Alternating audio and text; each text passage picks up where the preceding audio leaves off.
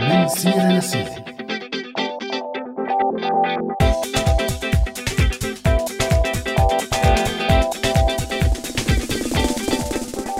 لا عن جد عن جد همام كتير الموضوع غريب. مين بيحدد يعني إذا الفنان عالمي أو الفنان مو عالمي يعني هلا خلص إذا الفنان عايش أو ولدان بأمريكا بيتحول لفنان عالمي بس لأنه كل العالم بيشوفوه مثلا؟ الحق معك عزة بس نحن صرنا على الهوا. مشان هيك خلينا نرحب بمستمعي راديو سوريالي يلي فاتوا مباشرة هالمرة بموضوع الحلقة. فأهلا وسهلا فيكم مستمعينا بحلقة جديدة من برنامج من سيرة لسيرة. معي أنا همام. وأنا عزة يلي بسبب خطأ تقني فوتتكم مباشرة بالسيرة.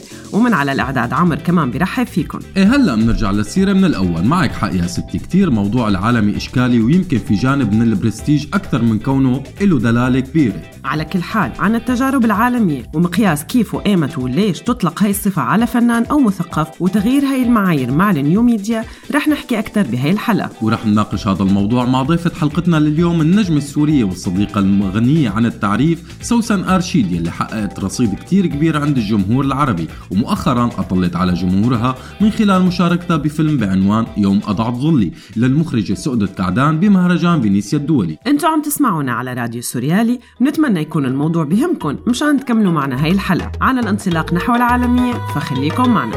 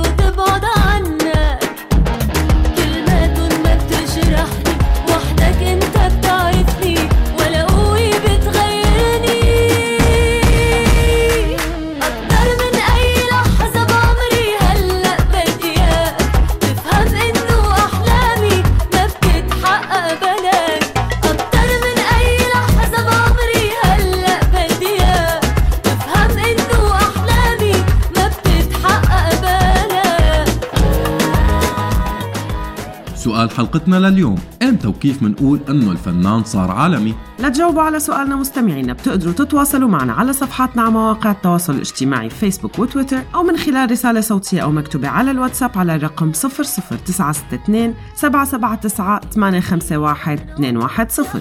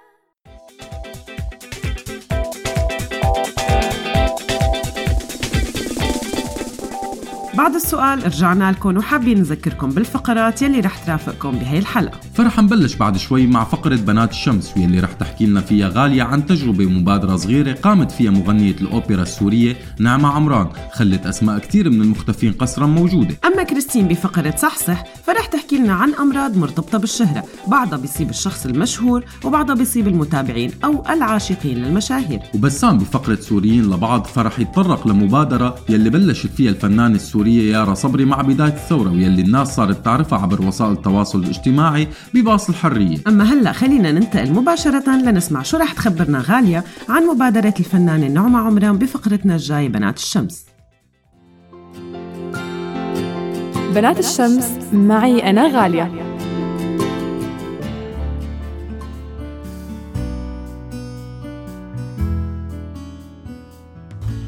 مرحبا فيكم بحلقتنا من بنات الشمس رح نحكي اليوم عن نعمة عمران. أما ليش هي بنت من بنات الشمس فلأسباب كتيرة. بتبلش من صوتها يلي ما كان في له حدود.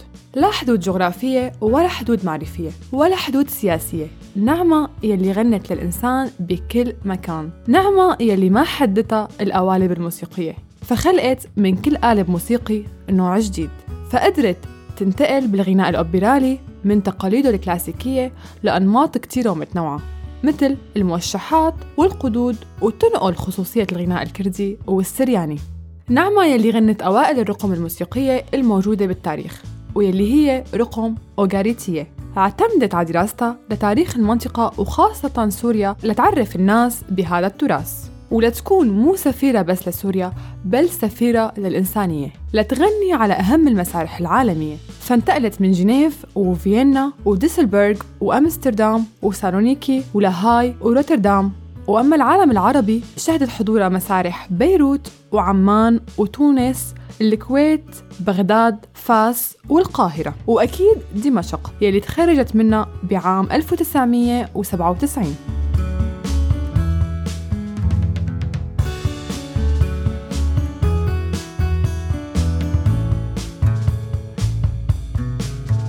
كمان كان حضور نعمة كتير واضح بالتأليف الموسيقي بعدد من الأعمال يلي بنذكر منها مسلسل وجوه وأماكن للمخرج هيثم حقي أو فيلم ماء الفضة لمخرجه أسامة محمد. بعد خروجها من سوريا بسبب الأوضاع السياسية بتقول نعمة صار المنفى كل الزمن. وتابعت رحلتها بالغناء ولأنه صوتها كان أداة تعبيرها من الصغر تابعت فعلها السياسي من خلال تقليد خاص. بتبلش فيه كل حفلاتها بغناء عدد من أسماء المعتقلات والمعتقلين المخطوفات والمخطوفين مثل رزان زيتونة سميرة الخليل وائل حمادة ناظم حمادي عبد العزيز الخير يحيى الشربجي زكي كورديلو وباولو ديلاوليو. بتقول نعمة بأحد اللقاءات أراهم قلبي يراهم. أريد أن أخبئهم في المستقبل. هذه أيضا قطعة ألفتها وغنيتها. كي لا أبكي دوما. أنا لا أنتقم. أنا أحب. هذه هي ذاكرتي المستقبلية. أغنية أزلية تصل الأزمنة ببعضها نحو الحرية. نعمة عمران بنت من بنات الشمس. بتذكرنا بحضور الصوت ودور الفنان.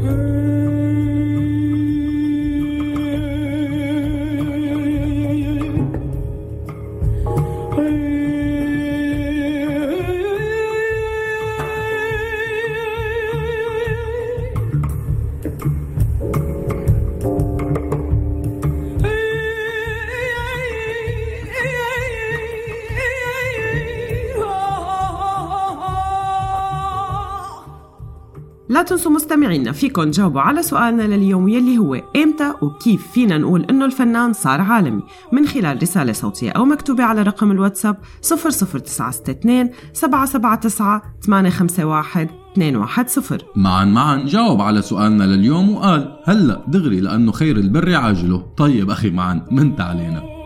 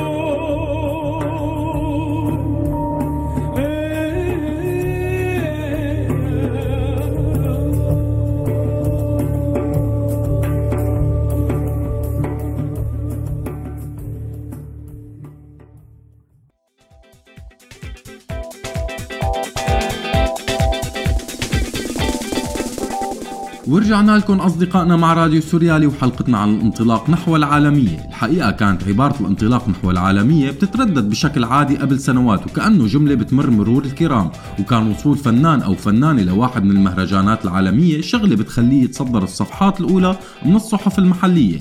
المصريين واللبنانيين وجزء من المغرب العربي كانوا يستخدموا أكثر هذا المصطلح بالإعلام تبعهم وخاصة بالمجال الغنائي. فلطالما التصقت صفة العالمية مع فنانين مثل عمرو دياب أو أليسا لمجرد وصولهم لبعض المهرجانات المشهورة أو أنه نزلت وحدة من أغانيهم بألبوم بودابر بالإضافة للاشتراك مع مغنيين أجانب. ومن جهة تانية أطلقت صفة عالمي على مجموعة مغنيي الرأي الجزائريين. هي المجموعة يلي شغلت مسارح العالم بالتسعينيات وعلى رأسهم الشاب خالد الشاب مامي رشيد طه والشاب فاضل وغيرهم. وبالتمثيل يمكن من أوائل من تم إطلاق صفة عالمي عليه والتأكيد عليها بالإعلام العربي والمصري كان النجم عمر الشريف يلي كان حضوره كتير قوي بالسينما الأمريكية. بأفلام مثل دكتور زيفاكو ولورانس العرب وغيرها من الأفلام. بهذا الوقت قلت مشاركات السوريين بمختلف المجالات الفنية لأسباب سياسية بالإضافة لشكل المؤسسات الفنية السورية الخاضعة لهذا الشكل والنظام السياسي. فما شفنا كتير من تجارب المشاركات التجارية الناجحة خارج حدود سوريا. هذا همام طبعا إذا استثنينا تجربة نعيم حمدي بالغناء أو فراس إبراهيم مثلا لما غنى لليونيل ريتشي Hello this is me you're looking for. لك شلون ما نجحت؟ نجحت وخاصة بمجال التمثيل والغناء أو حتى بمجالات الفنون الملتزمة إذا صح التعبير. أما بمجالات ثقافية أخرى فما كان هذا المصطلح مستخدم أو ما صار في تسويق لشخصيات لتنتشر على مستوى عالمي. وحققت السينما والمسرح التونسي والمغربي على سبيل المثال قفزة للضفة الأوروبية من المتوسط وشكلت سينما شمال إفريقيا حالة مع عدد الأسماء الهامة بآخر القرن الماضي وكان اسم يوسف شاهين بالسينما المصرية عم يتداول ويحقق تراكم بسجل الأفلام.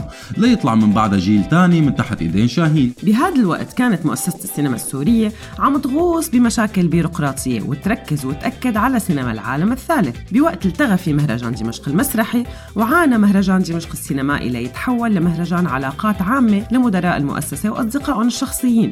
فضلوا المخرجين السينمائيين السوريين يتعذبوا ليطالعوا إنجازاتهم للضوء. بينما تحول المعهد العالي للفنون المسرحية ليخرج عدد كبير من الممثلين. توجهوا للتلفزيون ومن بعدها للدوبلاج. ولا ينترك المسرح بدون ما يحقق بصمة بالمهرجانات العالمية. وهذا لا يعني ابدا أفضلية إنتاج فني لبلد عن بلد تاني ابدا. عم نحكي عن انتشاره العالمية بين قوسين يعني رغم وجود أسماء وقامات سينمائية هامة جدا بسوريا مثل نبيل مالح ومحمد ملص واسامه محمد والراحل عمر أمير لاي بالسينما الوثائقية فكان الوضع مشابه. معك حق همام بالسينما السورية والمسرح السوري ما شكل ظاهرة على الساحات والمهرجانات العالمية. إذا ما قارناها مثلا بالسينما الإيرانية. ويمكن كانت أول محاولات الخروج ممثل إلى العالمية كمان بين قوسين هي محاولة الممثل غسان مسعود مع فيلم مملكة السماء. وعلى الرغم من الدور الصغير بس المهم فما شهد المشهد الإعلامي احتفال على الطريقة المصرية. فهي اللي بيشوف الزخم الإعلامي اللي شهدت مشاركة الممثل المصري خالد النبوي وكيف تم الاحتفاء فيه. بيشوف الفرق. في عدة أسباب بتوقف ورا هذا الشيء بظن. شيء له علاقة بالطقس الثقافي والسياسي بسوريا وأكيد في شيء تاني. ما فينك تنساه همام العدد الكبير للصحف والمجلات والأقنية المصرية. حتى بأحلك الظروف كانت أكثر بكتير من كل شيء متاح بسوريا. وما بدنا ننسى طبعا أنه بسوريا ما لازم يكون في اسم أكبر من اسم القائد المفدى. وسبقت وتوازت مع مشاركة الممثل السوري غسان مسعود الهوليودية مرحلة مصرية. فشارك عدد من الممثلين السوريين بمسلسلات وأعمال مصرية. استمرت هي الظاهرة بعد الثورة بخروج عدد من الكتاب والممثلين والمخرجين السوريين لمناطق جغرافية تانية. وظهرت تجربة الإنتاج المشترك يلي عليها كثير من الأسئلة والانتقادات. يمكن طولنا كتير بس لازم نتطرق لجانب تاني من الفنون ويلي هو الفن التشكيلي. فلكونه فن فردي استطاع يطلع من الحدود الجغرافية. بس كمان ما شكل حالة مثل ما بتتسمى إعلاميا الانطلاق نحو العالمية. باستثناءات قليلة يمكن كان أشهر الفنان التشكيلي الراحل فاتح مدرس. وقبل ما نخلص هذا الجزء من البرنامج أكيد في كتير من المستمعين عم بتجول بأذهانهم بعض الأسماء السورية اللي يمكن حققت قفزة نحو العالمية والحقيقة ما كان بتصب بحالة متكاملة ولدت من بنية البلد نفسه. وأفضل مثال على هذا الشيء هو المخرج مصطفى العقاد ويلي بيتم وصفه دائما بالمخرج الأمريكي من أصل سوري ويلي كان من أوائل تجارب العربية الناجحة. فمخرج هالوين والرسالة وعمر المختار كان له شهرة عالمية بس هي الشهرة إجت مباشرة من وجوده بأمريكا مو بسبب انطلاقه من محليته. على كل حال رح نتوسع أكثر بالموضوع بالجزء الثاني من حديثنا فخليكم معنا. صح. معي أنا كريستين.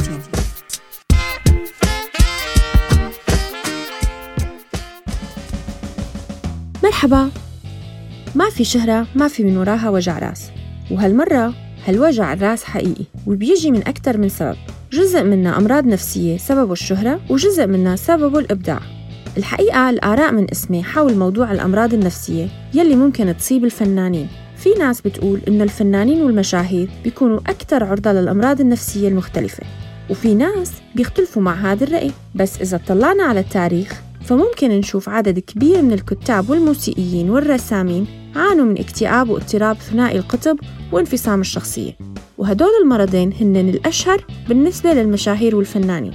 بعض الأبحاث العلمية أكدت على هذا الشيء ومنها دراسة انتشرت بسنة 2012 أكدت على أنه 2.1 مليون مريض مصابين باضطراب ثنائي القطب. لقت هي الدراسة أنه هذا المرض موجود بنسبة أكبر عند الأشخاص يلي بيمارسوا مهن فنية ونفس الشيء بينطبق على أنواع أمراض نفسية تانية مثل الاكتئاب، القلق المرضي وانفصام الشخصية. أما عدد الفنانين والكتاب يلي انتحروا دليل على هذا الشيء. والله يحمي رفقاتنا من الكتاب وخاصة براديو سوريالي.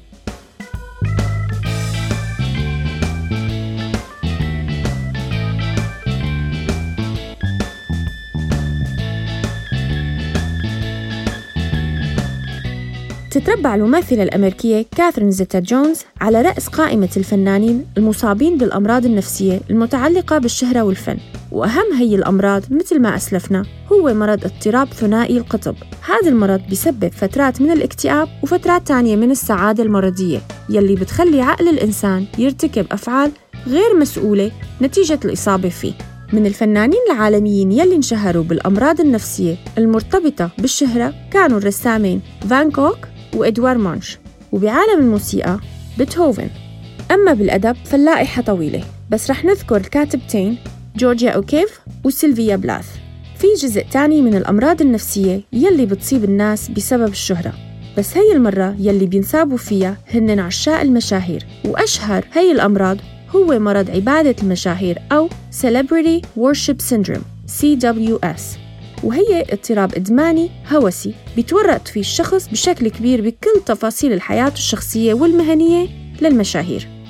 هذا الشيء ممكن يتطور كتير ليصير في متابعة للمشاهير نفسهم وملاحقتهم وتوصل لدرجة إنه يسرقوا أغراضه من أثره وحتى إنه ينأذى الشخص المشهور لعدم رغبته بالتعاطي معه.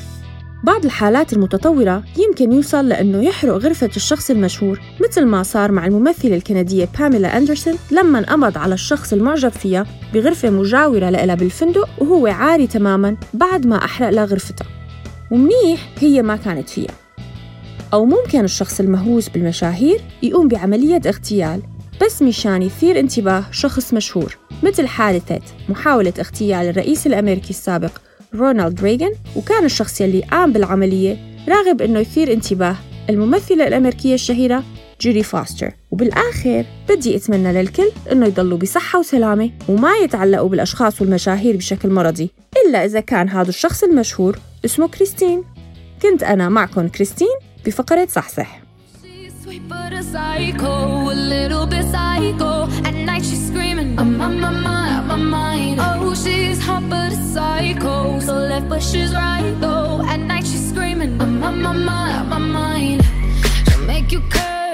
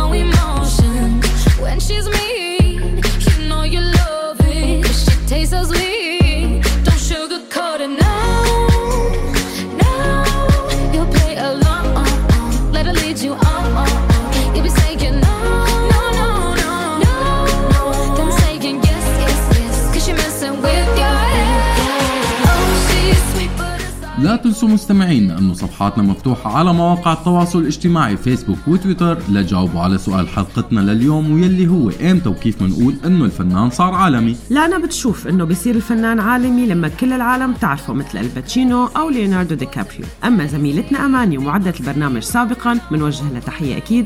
فقالت برأيي الفنان العالمي هو يلي قادر ينشر ثقافة أو رسالة أو قضية عبر العالم بدون استغلال واحتكار وصراعات ومنافسات بلا طعم.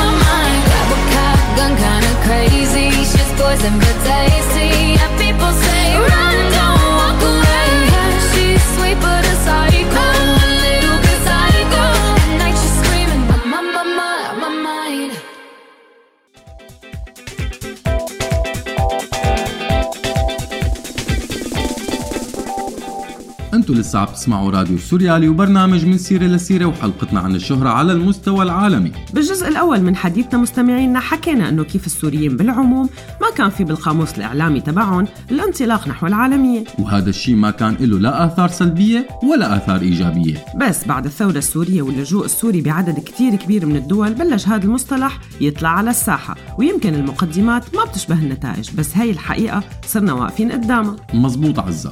وسوريا مانها أول دولة بتترك الحرب أو اللجوء. أثر واضح وحقيقة على بنيتها الاجتماعية وبتدفع اللاجئين الخايفين على حياتهم ورغبتهم بالاستمرار بأنهم يبدعوا بأكثر من مجال. وكمان هيمانة أول مرة كانت الحروب والكوارث سبب بتركيز الإعلام بالعالم على البشر يلي كانوا ساكنين بهاي البقعة الجغرافية يلي عم تعاني من تغييرات سياسية كبيرة. دول كتير عاشت تجارب مشابهة وطالعت خلال الحروب والكوارث. فنانين كتاب موسيقيين رياضيين وفاعلين سياسيين تركوا أثرهم لليوم. من أمير كوستاريتسا وأفلامه يلي بتصب بشكل مباشر بهاي المرحلة لكتير من السينمائيين اللبنانيين يلي صبت معاناتهم بصناعة أفلام عن الحرب. واليوم عم نسمع عن كتير لاعبين سوريين بفرق تركية أو ألمانية عم يحققوا نجاحات ويمكن يطلع من بيناتهم زلاتان إبراهيموفيتش مثلا. ومن التجارب الأولى يلي بلشت تشوف الضوء هي تجربة الممثل السوري جهاد عبده يلي سبق وحكينا عنها كتير وأكيد بنوجه له تحية. بس الانتشار والفن والإبداع السوري صار بأكثر من مجال فقبل كم يوم شهدنا على الوقوف الثاني الثاني للسوريين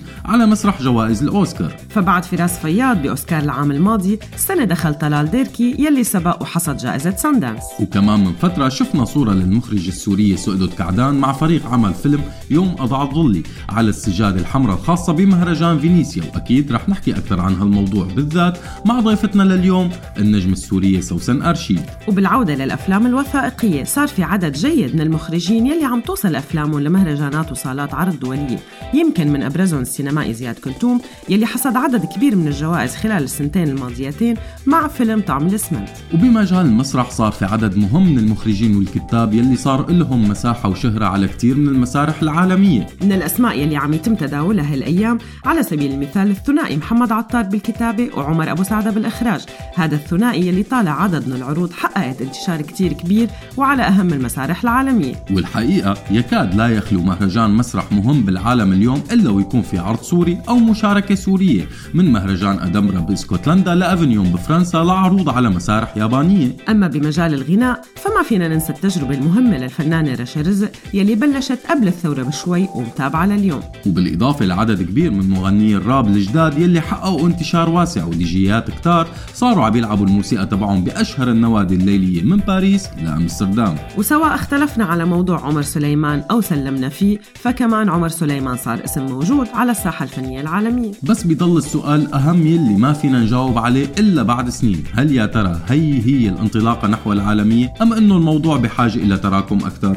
وسؤال تاني طرحناه عليكم قبل الحلقة. أيمت وكيف منقول إنه الفنان صار عالم؟ الحقيقة الأسئلة كثيرة ومنها هل استفاد الفنان السوري من الأحداث الحاصلة ليحقق الشهرة والانتشار أم أنه كان من الطبيعي أنه الفنان يعمل على نقل وتصوير هذا الشيء؟ على كل حال عن الاستفادة والشهرة بالشأن الإنساني. رح يخبرنا بسام أكثر بعد شوي بسوريين لبعض عن تجربة فنانة خصصت كتير من وقتها وجهدها للدفاع عن المعتقلين والمغيبين قسرياً. سوريين لبعض. معي أنا بسام داوود لنحكي عن مبادرات آنفية السوريين للسوريين.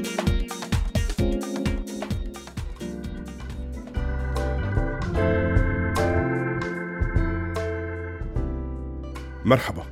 بالعادة بفقرة سوريين لبعض بنحكي عن تجارب جماعية أو تجارب طالعة من مؤسسات بس اليوم رح نحكي عن تجربة فردية وكتير شخصية بس استطاعت أنها تصير أقرب للعمل المؤسساتي وتجذب كتير من الناس والمحبين. تجربة بلشت قبل ما يصير العمل بقضايا المعتقلين والمغيبين قسريا عمل مؤسساتي. اليوم رح نحكي عن يارا صبري والشغل يلي اشتغلته ولساتها عم تشتغله بكل يوم مستفيدة من شهرتها والمكانة اللي حصلت عليها لتساعد الناس وتوصل أخبار المعتقلين والمطلق سراحهم لما بلشت الثورة بسوريا ما كتير طولت يارا صبري لتعرف وين موقعها من هي الثورة وتبنت قضية المعتقلين يلي بلشت كتجربة بالشام وكان نداء على الفيسبوك للمطالبة بحرية المعتقلين بالوقت يلي كتير من الناس خافت من كلمة حرية أصرت يارا على هاي الكلمة وأجابت بوحدة من اللقاءات وقالت الحرية ما نتهمة هي حق مشروع لكل الناس.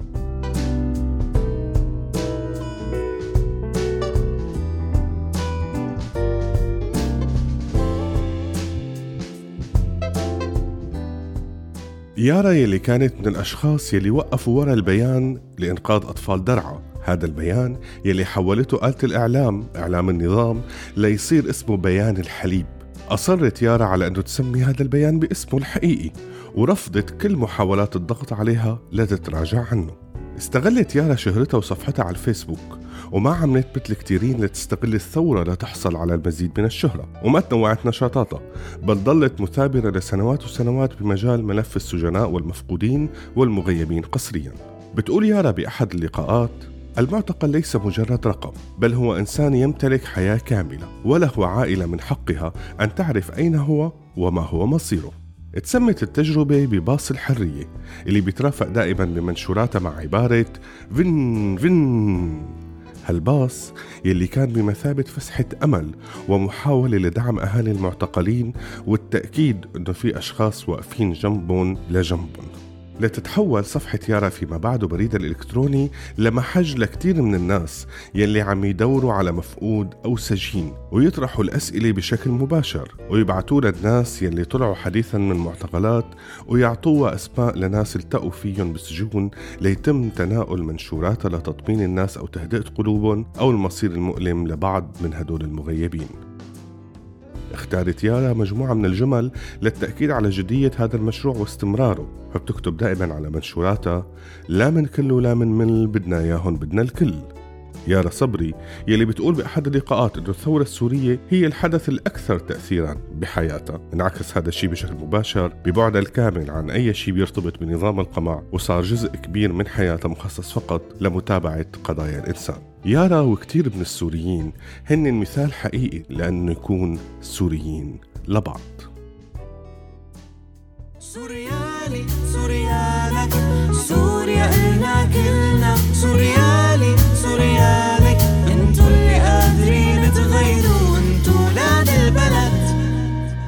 وقبل ما ننتقل لفقرتنا الجاية واللي هي شو قولك مع النجمة السورية سوسن أرشيد رح ناخد بريك صغير لنشوف عزة عن مين رح تحكي لنا اليوم بوجوه سورية. وجوه سورية معي أنا عزة.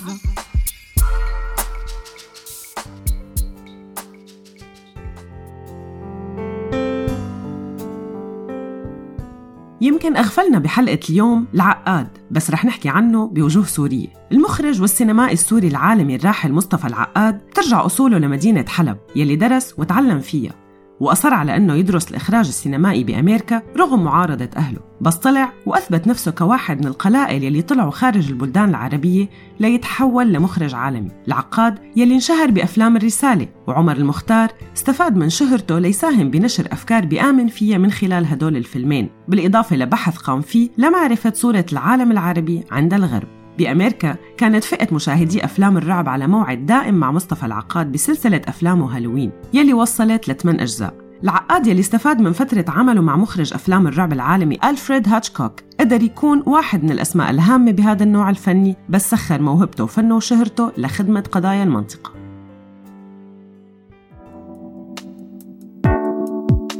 شو قولك؟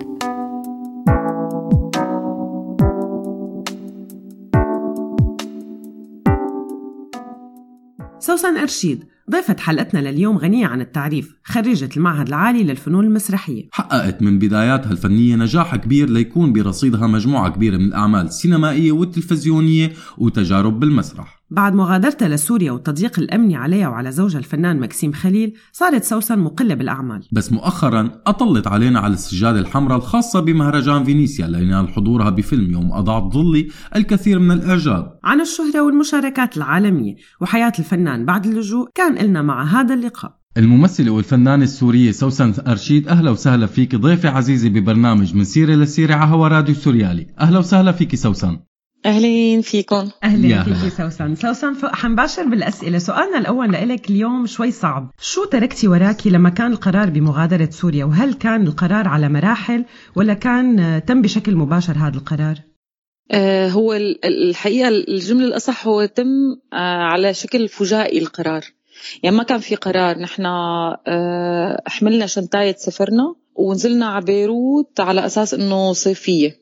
مو على أساس إنه بدنا نترك سوريا. أه بس بعدين قررنا طبعا نتيجة أه نتيجة وقفتنا مع الشعب أه صارت أسماءنا موجودة على الحدود فبالتالي نحن ما بنقدر نفوت على سوريا. فتركت كل شيء وراي. أخذت بس عيلتي أولادي وبس. سوسن شو هي خيارات الفنان السوري بعد الخروج من سوريا؟ هل يا ترى الخيار الوحيد دائما هو الإنتاج المشترك أم أنه في خيارات تانية في حال كان الفنان طبعا ما بيقدر يرجع لسوريا؟ قصدك خيارات مشان العمل يعني إنه ما عم يقدر يعمل مع أي مع جهة سورية. أه، في كتير خيارات الممثل بالنهاية في يعمل أه، شوف شو في بالعكس أنا شايفة إنه في إنتاجات فنية أكثر بكتير من وقت كنا بقلب سوريا. أه، لأنه انفتح قدام الشباب كتير آفاق لها علاقة بتمويل من جهات بتمول أفلام قصيرة جهات بتمول أعمال مسرحية طبعا لو بادجت بالنهاية كله بس إنه بالنهاية انفتح أبواب عمل أخرى وظهرت المواهب الحقيقية لأن إحنا بسوريا كان في عنا آه، ناس آه، محتكرة السينما ناس محتكرة المسرح وما بعرف يعني إذا هذا الشيء بس له علاقة بسوريا ولا هو موجود كمان بغير بلدان بس أنا عم بحكي عن أنا تجربتي الشخصية بالموضوع. فوقت طلعوا الشباب اكتشفوا إنه لهم حرية إنهم يعملوا الأشياء اللي حابين يحكوها آه، الأشياء اللي حابين يشتغلوها آه، بدون أي قيد أو شرط. وبالتالي أنا شفت إنه بالعكس صار في إنتاجات فنية أهم برا أهم من الداخل. آه، صار في آه، عالم عم كتار عم يعملوا مسرح. كان في عالم ملنا سمعانين فيهم ابدا بقلب البلد. كانوا آه، حقيقة مثل ما بيقولوا مفعوصين بقلب البلد. طلعوا طلع عندهم موهبة طلع عندهم أفكار طلعوا ناس كتير creative فبظن سوق الشغل برا أهم من سوق الشغل بالداخل. وبهذا الوقت تحديدا هلأ صار الشغل داخل البلد هو كتير كيف بيقولوا يعني مسقوف سوسن حلقتنا اليوم بالعموم عنوانها الانطلاق نحو العالمية. ومثل ما بتعرفي صار في تجارب كتير سورية. عم تلاقي طريقة مثل ما حكينا لمهرجانات دولية وكنت شريكة بوحدة من هاي التجارب مع المخرجة السورية سؤدد كعدان بفيلم يوم أضعت ظلي. كيف تشوفي هاي التجربة اليوم؟ آه، أول شيء هي تجربة كتير حلوة آه، لأنه آه، هو أول فيلم سوري بيشارك بمهرجان مثل فينيسيا وإنه ياخذ جائزة أسد المستقبل فهو أصلا يعني شغلة كتير كانت عظيمة. حلو إنك تنوجدي بهيك مهرجانات حلو تتبادل الخبرات مع العالم الموجودين من كل العالم من كل من كل العالم صح. هن طلعوا ورا بعضهم عالم وعالم بس هي هيك الجملة بتنقال ما بتنقال غير هيك. اي فكتير كانت تجربة حلوة وغنية ومختلفة وحقيقه ما بتشبه مهرجاناتنا يعني.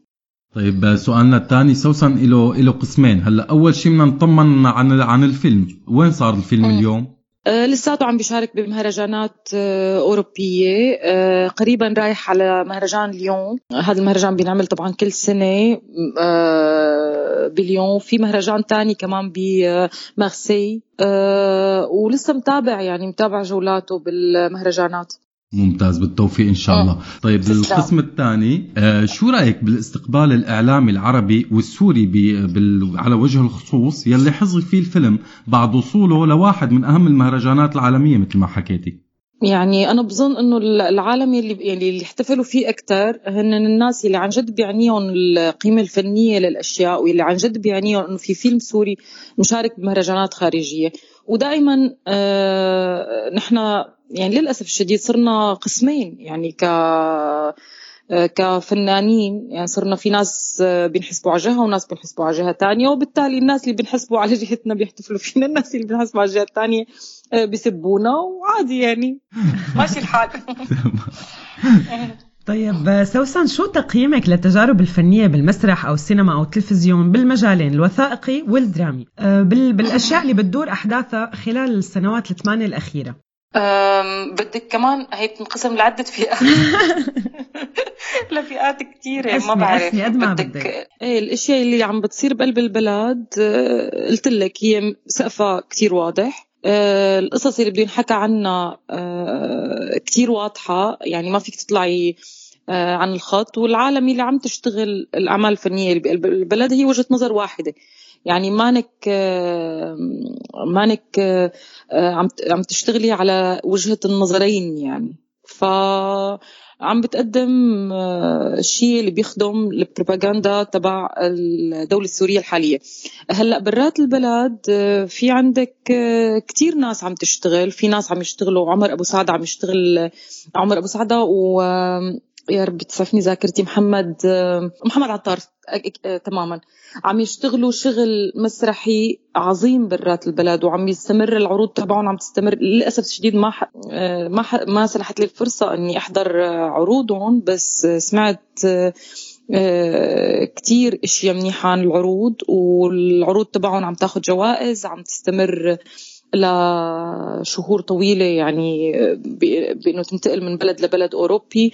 فهذا الشيء كتير حلو وكتير فخر لنا آه، الأعمال الوثائقية مثل ما شايفين في فيلم لطلال ديركي هلأ شارك بمهرجان عربي وشارك ب بجوائز الأوسكار كان من المرشحين الاقوياء لجائزة الأوسكار عن الأفلام الوثائقية وهذا الشيء كمان بيعملنا حالة من الفرح والسعادة إنه في أفلام سورية عم تقدر توصل آه، مع العلم إنه قبل ما كنا نقدر نوصل يعني لهي الجوائز أو لهي الترشيحات على أقل تقدير. في أفلام قصيرة عم تطلع كمان ممتازة. آه، في كتير شباب عم يشتغلوا برات البلد. يعني عم أقول لك لأنه مساحة الحرية عم لكم لأنه مساحة الحرية أكبر آه، نتفة. فالعالم عم تقدر تشطح شوي بخيالها عم تقدر آه، تعمل نتائج أهم بظن. تماما. وأكيد هذا الشيء طبعا مو محصور بس بمجال المسرح وإنما بالموسيقى والرسم وبكل المجالات. طبعا. حتى بالرقص آه، من فترة يمكن آه، كانوا الشباب عاملين عرض راقص ببروكسل على ما أظن. كمان كان في عرض مسرح كان عرض راقص قالوا لي سمعت عنه كمان حكي كتير منيح أه بظن إيه إنه انفتحت الابواب قدام الشباب انهم أه يعملوا شيء مهم ويطالعوا أفكارهم بدون أي آه، قيود أو خوف أو آه، أو سقوف يعني لل... لل... للأعمال الفنية اللي عم بيفكروا فيها. سوسن بحديث آه، شخصي سابقا حدث بيني وبينك ما بعرف إذا فيني فوته بالسؤال هلأ بس رح جرب. قلت لي انه جرب وأنا لك إذا فيك. إذا هيك فقم بتراجع دغري أنا. قلت لي انه إنه صار عندك رغبة أكثر لتتوجهي لجمهور مختلف أو لشريحة معينة أو لمكان تاني وما تضلي محصورة أو مقيدة ب ب بالتواجدك بال بالمكان العربي أو بالجمهور العربي خليني أقول. قديش برأيك هذا الشيء ممكن يكون له له آفاق بعد ما عشتي بفرنسا لعدة سنوات؟ آه، أنا بفرنسا طبعا من ثلاث سنين. آه، هلأ التوجه لجمهور آخر شغلة كتير مهمة لأنه أنت عايش أصلا ببلد أوروبي. فهذا آه، أكيد لازم تتوجه لجمهور آخر.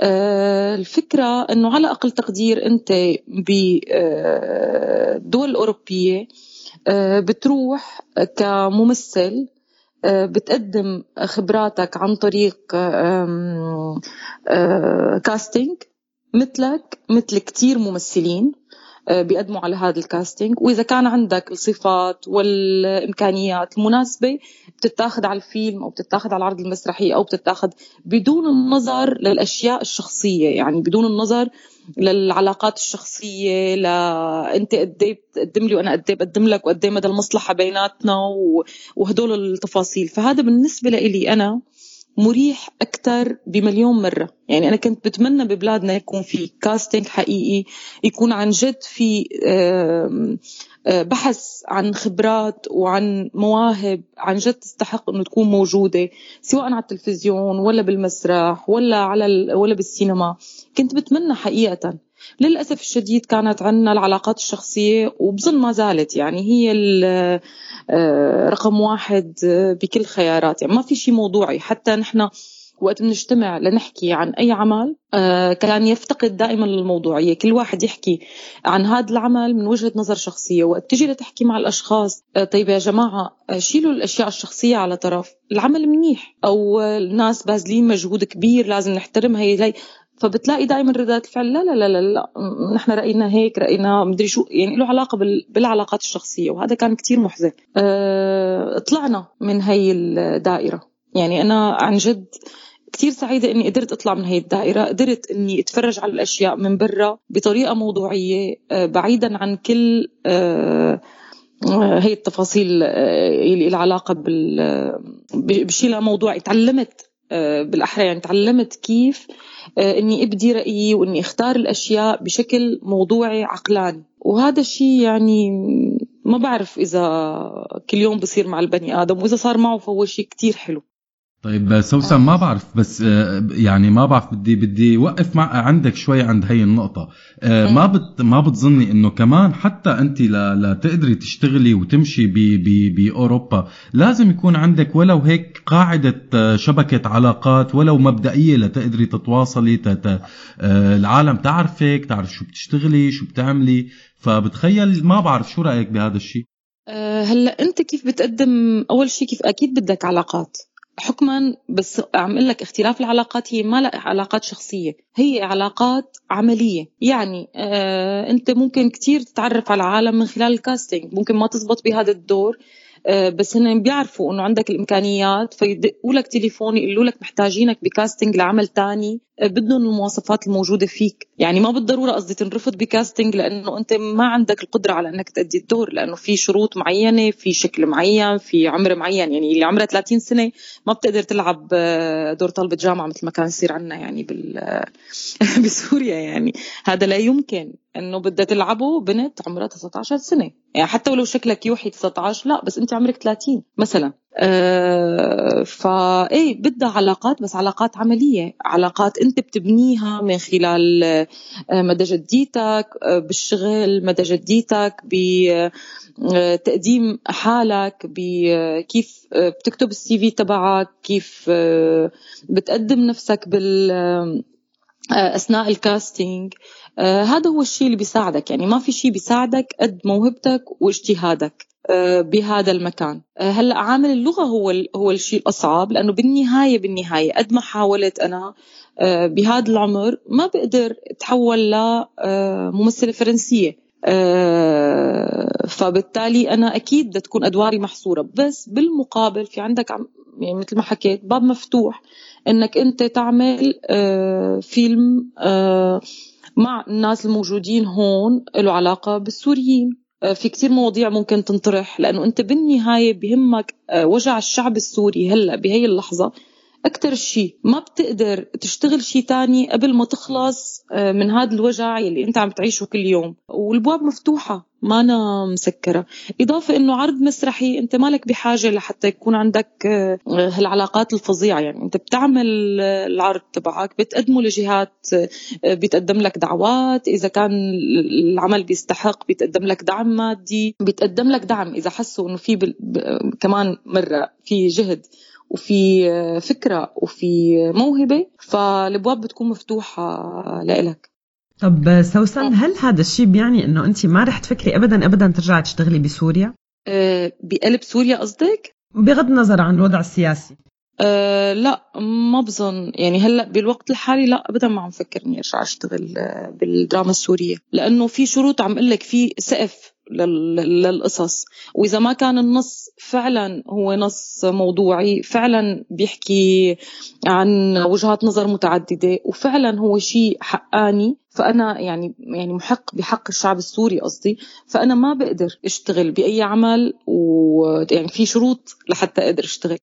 نهاية سوسن آه، بدنا نختم معك بسؤال واللي هو إنه بعد تجربتك الأخيرة بمس... آه، بفيلم عفوا يوم اضعت ظلي آه، شو صارت تعني لك عبارة الفنان العالمي؟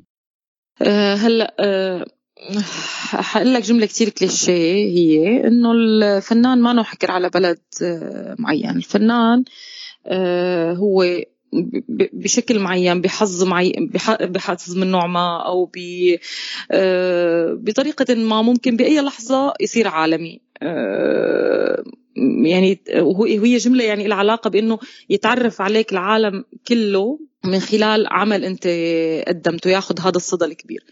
وهي القصة لها علاقة بزائقة لجان التحكيم المختصين بالفن زائقة الجمهور العادي ممكن يعمل الفيلم أو المسرحية أو شيء يعني كيف بيقولوا إنه مثل ضجة إعلامية تخلي العالم عن جد يقبلوا عليه وعن جد يشوفوه بعين مختلفة فبتحول لفنان عالمي. فكلمة عالمي يعني شغلة حلوة. الفنان دائما بيتمنى أنه يعرفوه أكبر شريحة ممكنة من العالم. بس بنفس الوقت بقول إنه مو هذا هو اللي كتير مهم. اللي كتير مهم إنه عن جد أنت من خلال آه، شغلك تقدم وجهة نظرك أو تقدم آه، وجع ناسك أو تقدم آه، أشياء أنت كممثل أو راقص أو رسام آه، بتحقق لك نوع من السعادة أو نوع من الرضا. إنه أنا عم بعمل واجبي على أكمل وجه. وش وجه؟ على أكمل وجه. لازم تنقال بالفصحى أنا آسفة. فهذا هو أنا بالنسبة لي هذا هو المهم. يعني السعي ما يكون السعي إنه أنا أصير آه، فنان عالمي. لا. أنا عم بعمل شغلي وجا على بالي استمتع بهذا الشغل اللي عم بعمله وجا على بالي أقدم شيء عن جد له قيمة وله معنى. يعني ما أشتغله لمجرد إنه أنا عم بعتاش على هذا الشيء اللي عم بعمله. هذا هو هدفي أنا شخصيا بشغلي. هلأ كيف تمشي القصص؟ وإذا إجت العالمية يعني أهلا وسهلا ما ما بقول لا أكيد بكون سعيدة جدا يعني. بس تكون ضربة حظ ما حتكون بشكل مخطط. تمام. نهاية سوسن عن جد شكرا كثير إليك ولوقتك ويعطيك ألف عافية. وأكيد يعني أنا شبه متأكد أنه رح نشوفك قريبا أو إذا مو قريبا فهو قريبا أبعد بشوي على على الشاشات العالمية. وأكيد يعني حدا مثلك وبموهبتك قدر يطلع بمكان مثل سوريا. فأنا متأكد أنه ممكن يقدر ينجح بأي مكان تاني بالعالم. إيه بتمنى. عن جد بتمنى يكون هذا الخطوة الجاية يعني. إن شاء الله, إن شاء الله. وأكيد نتمنى لك كل خير وكل توفيق لك سوسن ويعطيكم ألف عافية. باي باي, باي. شكرا. لا تقولوا للريح لو كان كل شي منيح بعيون المسريح. وقفي يا ريح لا تقولوا للضوء ليش بس ولو استنيت شوي لا تغير الجو. لا تقولوا للريح لو كان كل شي منيح بعيون المسريح. وقفي يا ريح لا تقولوا للضوء ليش بس ولو استنيت شوي لا تغير الجو. خليكن هيك ضلوا خلوا كل شي بمحله والفكرة تضل فكرة. والله يعيشنا لبكرة. خليكن هيك ضلوا خلوا كل شي بمحله والفكرة تضل فكرة. والله يعيشنا لبكرة. سكروا الشبابيك فلوا الأبواب اصحى الهوا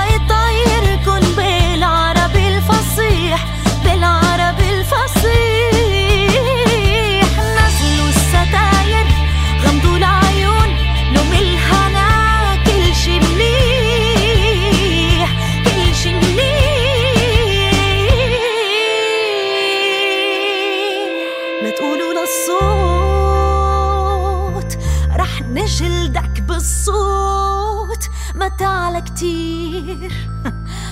معنا كبير. لا تقولوا للشمس حاكينا همس ما تطلعي. ما عنا عيون. ما عنا عيون. خليكن هيك. ضلوا خلوا كل شي بمحله. والفكرة ضل فكرة. والله يعيشنا لبكرة. خليكن هيك.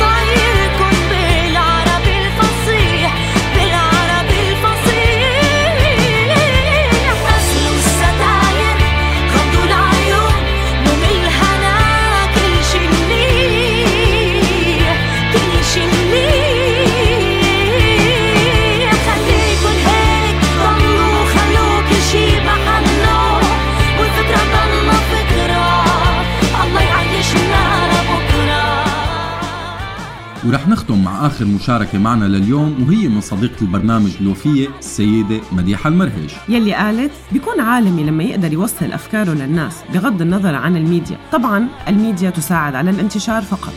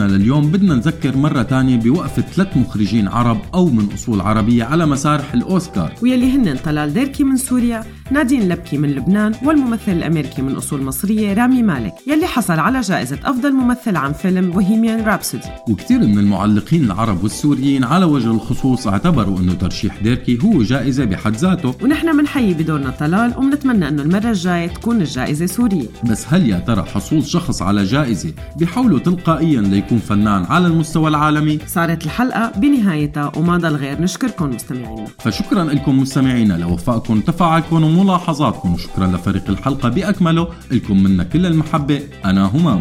وأنا عزة على أمل اللقاء بحلقات قادمة. من سيرة لسيرة